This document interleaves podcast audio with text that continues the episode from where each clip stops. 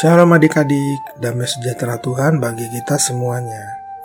Adik-adik sudah siap nggak mendengarkan firman Tuhan hari ini? Namun, sebelumnya, mari kita persiapkan hati dan pikiran kita. Kita mohon pimpinan Tuhan agar kita dapat memahami firman Tuhan hari ini. Mari kita berdoa. Bapa kami yang bertahta di kerajaan surga, di kesempatan kali ini kami bersyukur atas hari baik serta atas kesehatan yang kami beroleh, sehingga kami dapat kembali lagi mendengar firman-Mu.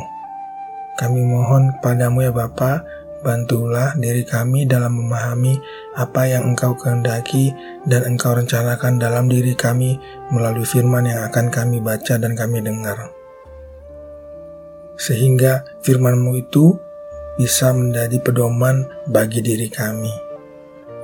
Ya Tuhan, bantulah kami menjadi perpanjangan tangan-Mu sehingga menjadi ranting-ranting dalam menebar kasih kepada sesama kami dan kami bisa membawa kabar sukacita bagi mereka-mereka yang terpanggil dan membutuhkan. Di dalam nama anakmu Yesus Kristus, kami berdoa dan mengucap syukur. Amin. Pembacaan Alkitab terambil dari Yohanes 20 ayat 27 sampai 29.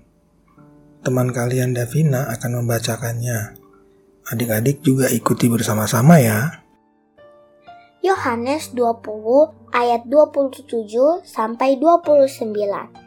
Beginilah firman Tuhan. Kemudian ia berkata kepada Thomas, "Taruhlah jarimu di sini dan lihatlah tanganku." ulurkanlah tanganmu dan cucukkan ke dalam lambungku, dan jangan engkau tidak percaya lagi, melainkan percayalah. Thomas menjawab dia, Ya Tuhanku dan Allahku. Kata Yesus kepadanya, Karena engkau telah melihat aku, maka engkau percaya. Berbahagialah mereka yang tidak melihat, namun percaya. Demikian pembacaan firman Tuhan. Adik-adik, Judul renungan kita tadi adalah Thomas. Kita mau mendengarkan kisah tentang Thomas yang berjumpa dengan Yesus. Ayat yang kita tekankan ada pada Yohanes 20 ayat 27 yang berbunyi Kemudian ia berkata kepada Thomas, "Taruhlah jarimu di sini dan lihatlah tanganku. Ulurkanlah tanganmu dan tucukkan ke dalam lambungku." dan jangan engkau tidak percaya lagi, melainkan percayalah. Yesus menampakkan diri kepada murid-muridnya. Saat itu Thomas tidak ada bersama-sama dengan mereka. Thomas tidak percaya kalau Tuhan Yesus menampakkan diri kepada murid-muridnya. Bahkan Thomas mengatakan dia tidak percaya sebelum dia melihat bekas paku pada tangan Yesus dan mencucukkan jari ke dalam lambung Yesus.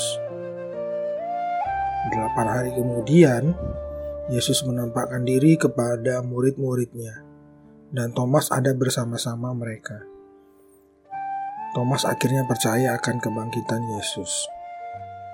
Adik-adik, apakah adik-adik meragukan kebangkitan Tuhan Yesus?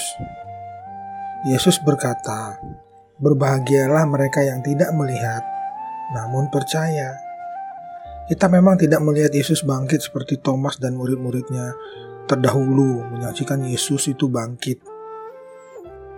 Namun firman Tuhan mengatakan kepada kita, Yesus memang bangkit. Apa yang difirmankan Tuhan adalah benar. Kita percaya bahwa Yesus bangkit dan hidup selama-lamanya buat kita semua. Yuk adik-adik, kita katakan dengan sungguh-sungguh, Aku percaya Tuhan Yesus bangkit dan hidup selama-lamanya.